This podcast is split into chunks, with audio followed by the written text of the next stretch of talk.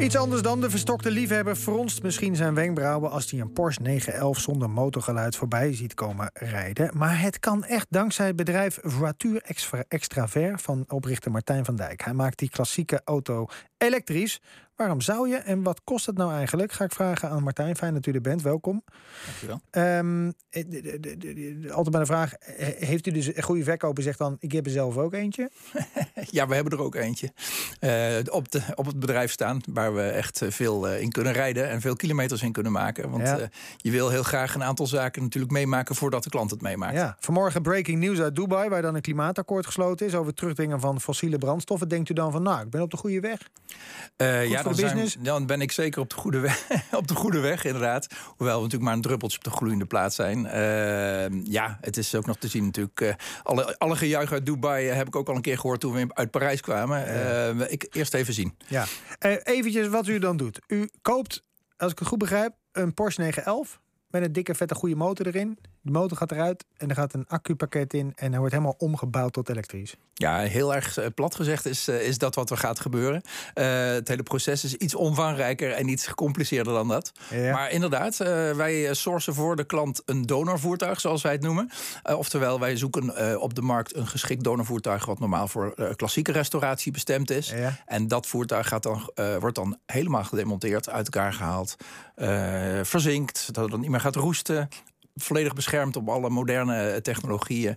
Uh, en dan op klantspecificatie opgebouwd. Dat doen we overigens niet zelf. Dat doet onze partner in Zuid-Duitsland. Ja. Dat is een specialist op dat gebied. En uh, iemand, een partij die heel erg uh, goed productiematig klassieke auto's kan restaureren. Maar aan het eind van het proces he, zie ik een Porsche 911 met een helemaal groot display erin. Waar ik allerlei keuzes heb als het gaat om elektrisch rijden en dergelijke. Ja, het is, het is inderdaad geen, geen moderne Tesla die, die je rond ziet rijden met een groot display. Nee, we hebben eigenlijk een auto gebouwd die heel erg gelijk is aan het origineel. We zien dat onze klanten eigenlijk heel erg verliefd zijn op het origineel. Het zijn liefhebbers, hè? Want het kost ook nog geloof ik wel wat. Hè, het, zijn, uh, het zijn liefhebbers van klassiek design, zou ik eerder zeggen, dan dat het per se liefhebbers zijn ja. van Porsches. Uh, wat, wat, wat, wat, kost die als ik hem dan Ja, onze auto is, uh, gaat met ingang van het komende jaar vanaf 380.000 euro ex-BTW. Wow. Ex-BTW, oké. Okay. Ja, ja. ja, precies. Ja, die rekenen goed, maar niet mee. Is voor de liefhebber. Het is zeker voor de liefhebber, inderdaad. Ja. Maar hoe bent u erbij gekomen? Ja, het hele avontuur begon ooit met, vanuit mijn uh, eigen voorkeur voor klassieke auto's. Ik ben ook enorm enthousiast over het klassieke design. Auto's die met liefde jarenlang zijn ontworpen. Vaak voor hele specifieke doeleinden. Uh, snoek, hè, geloof ik? Ja, de, de, de, eigenlijk daarvoor was nog de Deux de Eend. Ja. Uh, dat was mijn auto. en, en, en ik kocht op een bepaald moment een snoek. Een oude DS, een Citroën DS uit de jaren 70. En die stond al heel lang op mijn lijstje. Een soort van droomauto die gaat opstijgen voordat je gaat rijden. Ja, die gaat dan omhoog hè, aan de achterkant. Precies voorkant nou, ook. Hè? Ja, ja beide voor en achter inderdaad. Zoveel ja. weet ik ook weer niet van, maar nee. je ziet wel eens rijden. Klopt. Um, maar, maar hoe dan erbij gekomen? Omdat u dacht van, joh, ik ga eens een Porsche elektrisch maken. Ja, nou, ik was eigenlijk met, met die DS was ik binnen een paar dagen heel snel terug van de koude kermis. Omdat ik het gevoel had dat het een soort van droomauto was. Maar die reed als een oude tractor.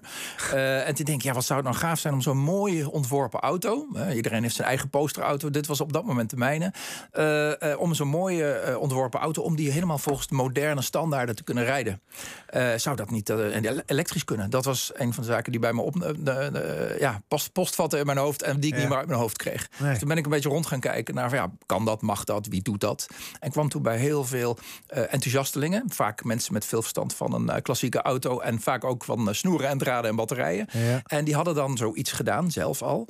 en die zeiden, ja, kijk, dit, is, dit heb ik dan gemaakt. En het viel mij eigenlijk altijd behalve dat de dromen heel erg aansprak, viel de uitvoering me heel erg tegen. En dat zeiden ze eigenlijk ook zelf ook tegen mij. Ze zeiden van ja, iedereen vindt het mooi, maar niemand wil het kopen.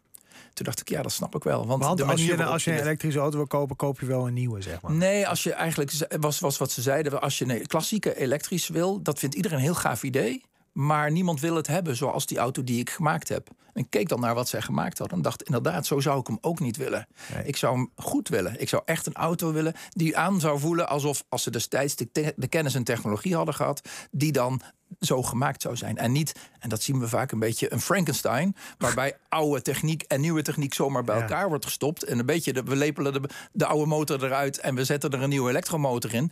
Uh, en, dat, en dat levert geen goed eindproduct op. Nee. En, en denk, ja, daar wil niemand voor betalen. Ik, ik, toen ik het verhaal hoorde, dacht ik meteen aan de Rijkspolitie. Die voorheen altijd in Porsches 911 reed, volgens ja, mij. formidabel. Dat, waren, dat was de autoriteit wat voorbij kwam. Dan ging je van de kant, zeg maar. Ja. Heeft u zo'n auto al omgebouwd? Of niet? Nee, we hebben wel de Targa. Want de, de Rijkspolitie reed voornamelijk in Targas rond. De, de voorloper van de Cabrio uh, van de 911. En uh, bouwen we wel. Ja, ongeveer de helft van onze auto's is Targa. Maar niet in de, in de, in de mooie Nederlandse politiekleuren, nee. inderdaad. Dit, dit gaat natuurlijk om de liefhebbers. Um, maar is dit ook iets waarvan u zegt van... nou, daar, daar zit ook voor de brede automarkt... Is dat, is, kan dat iets zijn? Fossiele auto's ombouwen naar elektrisch? Of zegt u van, joh, dat, dat, is, dat moet je niet doen? Ik denk dat dat heel lastig is. Je hoort daar wel heel vaak verhalen over. Uh, uh, als je een onder een moderne auto een, een trekhaak, uh, na, nadat hij uit de fabriek is gerold, een trekhaak laat installeren, dan moet hij al ongeveer langs de RDW opnieuw gekeurd worden kun je je voorstellen wanneer je er in een heel complexe auto met heel veel technologie aan boord uh, en veiligheidssystemen, et cetera, et cetera, als je daar ook nog weer iets heel nieuws in aanbrengt met een andere gewichtsverdeling. Ik denk dat het een drama is van je welste. Ik denk niet dat dat een, een, een, een, nee. een goede business case wordt. En, en welke, welke dramazaken komt u zoal tegen als u zo'n Porsche moet ombouwen? Nou ja, we maken eigenlijk elke keer wel een beetje de grap van ja, een proto kan bouwen, dat kan iedereen. Uh, uh, maar, uh, maar op een of andere manier in serieproductie gaan, zodat je herhaalbaar en voorspelbaar elke keer dezelfde auto wilt bouwen. Voor elke klant hetzelfde, met dezelfde besturing, dezelfde knoppen. Ja, ja dat, is een, dat is een helse klus. Ja. en dat gaat omdat het over het betrekken van onderdelen gaat, die allemaal binnen de gestelde termijn moeten arriveren. het hele productieproces aan elkaar alignen en zorgen dat alles op, op het juiste moment beschikbaar is om dingen te doen. Als je dat niet op een goede manier voor elkaar krijgt, en dan komt eigenlijk de hele productielogistiek vooral veel meer om de, om de hoek kijken. Ja. Uh, want het is geen traditionele individuele restauratie die wij nee, doen. Nee. Nee, en het is natuurlijk gebeurt ook niet in massastuks, dus vandaar dat die prijs ook zo gigantisch hoog is. Ja, we hebben vooral heel veel geld geïnvesteerd in een hele mooie integratie van de klassieke en nieuwe, uh, en nieuwe technologie. Ja. En met name dat is heel kostbaar. En wie zijn de klanten? Wie kopen dit? Die kopen dit? Nou ja, we verkopen niet zo heel veel auto's in Nederland, kan ik je vertellen. Uh, uh, een enkele klant hier op dit moment. Dat gaat natuurlijk veranderen naar vandaag. Maar de, uh, onze meeste klanten zitten in de Verenigde Staten. Of in de rest van Europa ook. Zwitserland, Monaco, Sofia, Dubai nu, ook het Midden-Oosten. Dus wat dat betreft, we waren dicht bij het akkoord.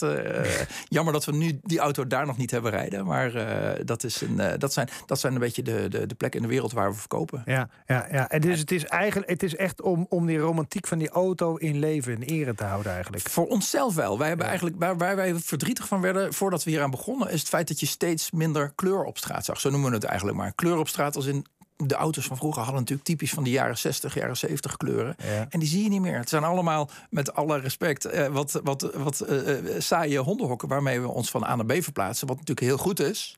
Maar dit soort mooie auto's, die zag je steeds minder. Behalve een keer op een mooie Pinksterdag of bij de Tulpen Rally. En die willen we vaker op straat zien. Ja, precies. En dat lukt ook niet als je de oude techniek aan boord houdt. Dus de veelkleurigheid van het wagenpark van wanneer wilt u terug hebben? Zo is het. Ja, ja. ja, ja dan moet die prijs nog wel een beetje omlaag, denk ik. Uh, ja, ja, het zal nog steeds niet heel veel voorkomen op deze manier. Ja. Nu de hamvraag, uh, meneer Van Dijk. Is een Porsche 911 nog wel een Porsche als die geen motor weer heeft? Ja, dat is voor iedereen verschillend natuurlijk. Uh, we, we, kennen genoeg, uh, we noemen ze altijd wel kale grijze mannetjes. De oudere mensen die, die van vroeger komen, die zelf nog aan brommers hebben geknutseld. En elke, elke winter de auto weer op de brug zetten in de schuur. En om, om hem weer klaar te maken voor de volgende zomer. Ja.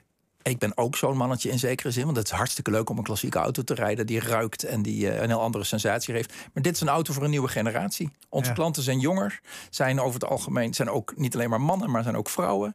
Uh, het zijn allemaal ja. ondernemers die hun, uh, hun, hun, bedrijf hebben verkocht. Of naar de beurs zijn gegaan. Het zijn ja, hele bijzondere ja. mensen met een eigen verhaal. En volgende meermerken? Gaat u met meermerken aan de slag? Nou, dat zou hartstikke leuk zijn. Er zijn maar weinig auto's die zo geschikt zijn voor het op deze manier produceren als, als de 911 maar iedereen heeft een, zijn eigen droomauto. En ik kan me nog wel voorstellen dat er nog wel eens een keer wat anders komt. Ik dank u hartelijk voor uw komst, Martijn van Dijk, oprichter van uh, Voiture Extravert.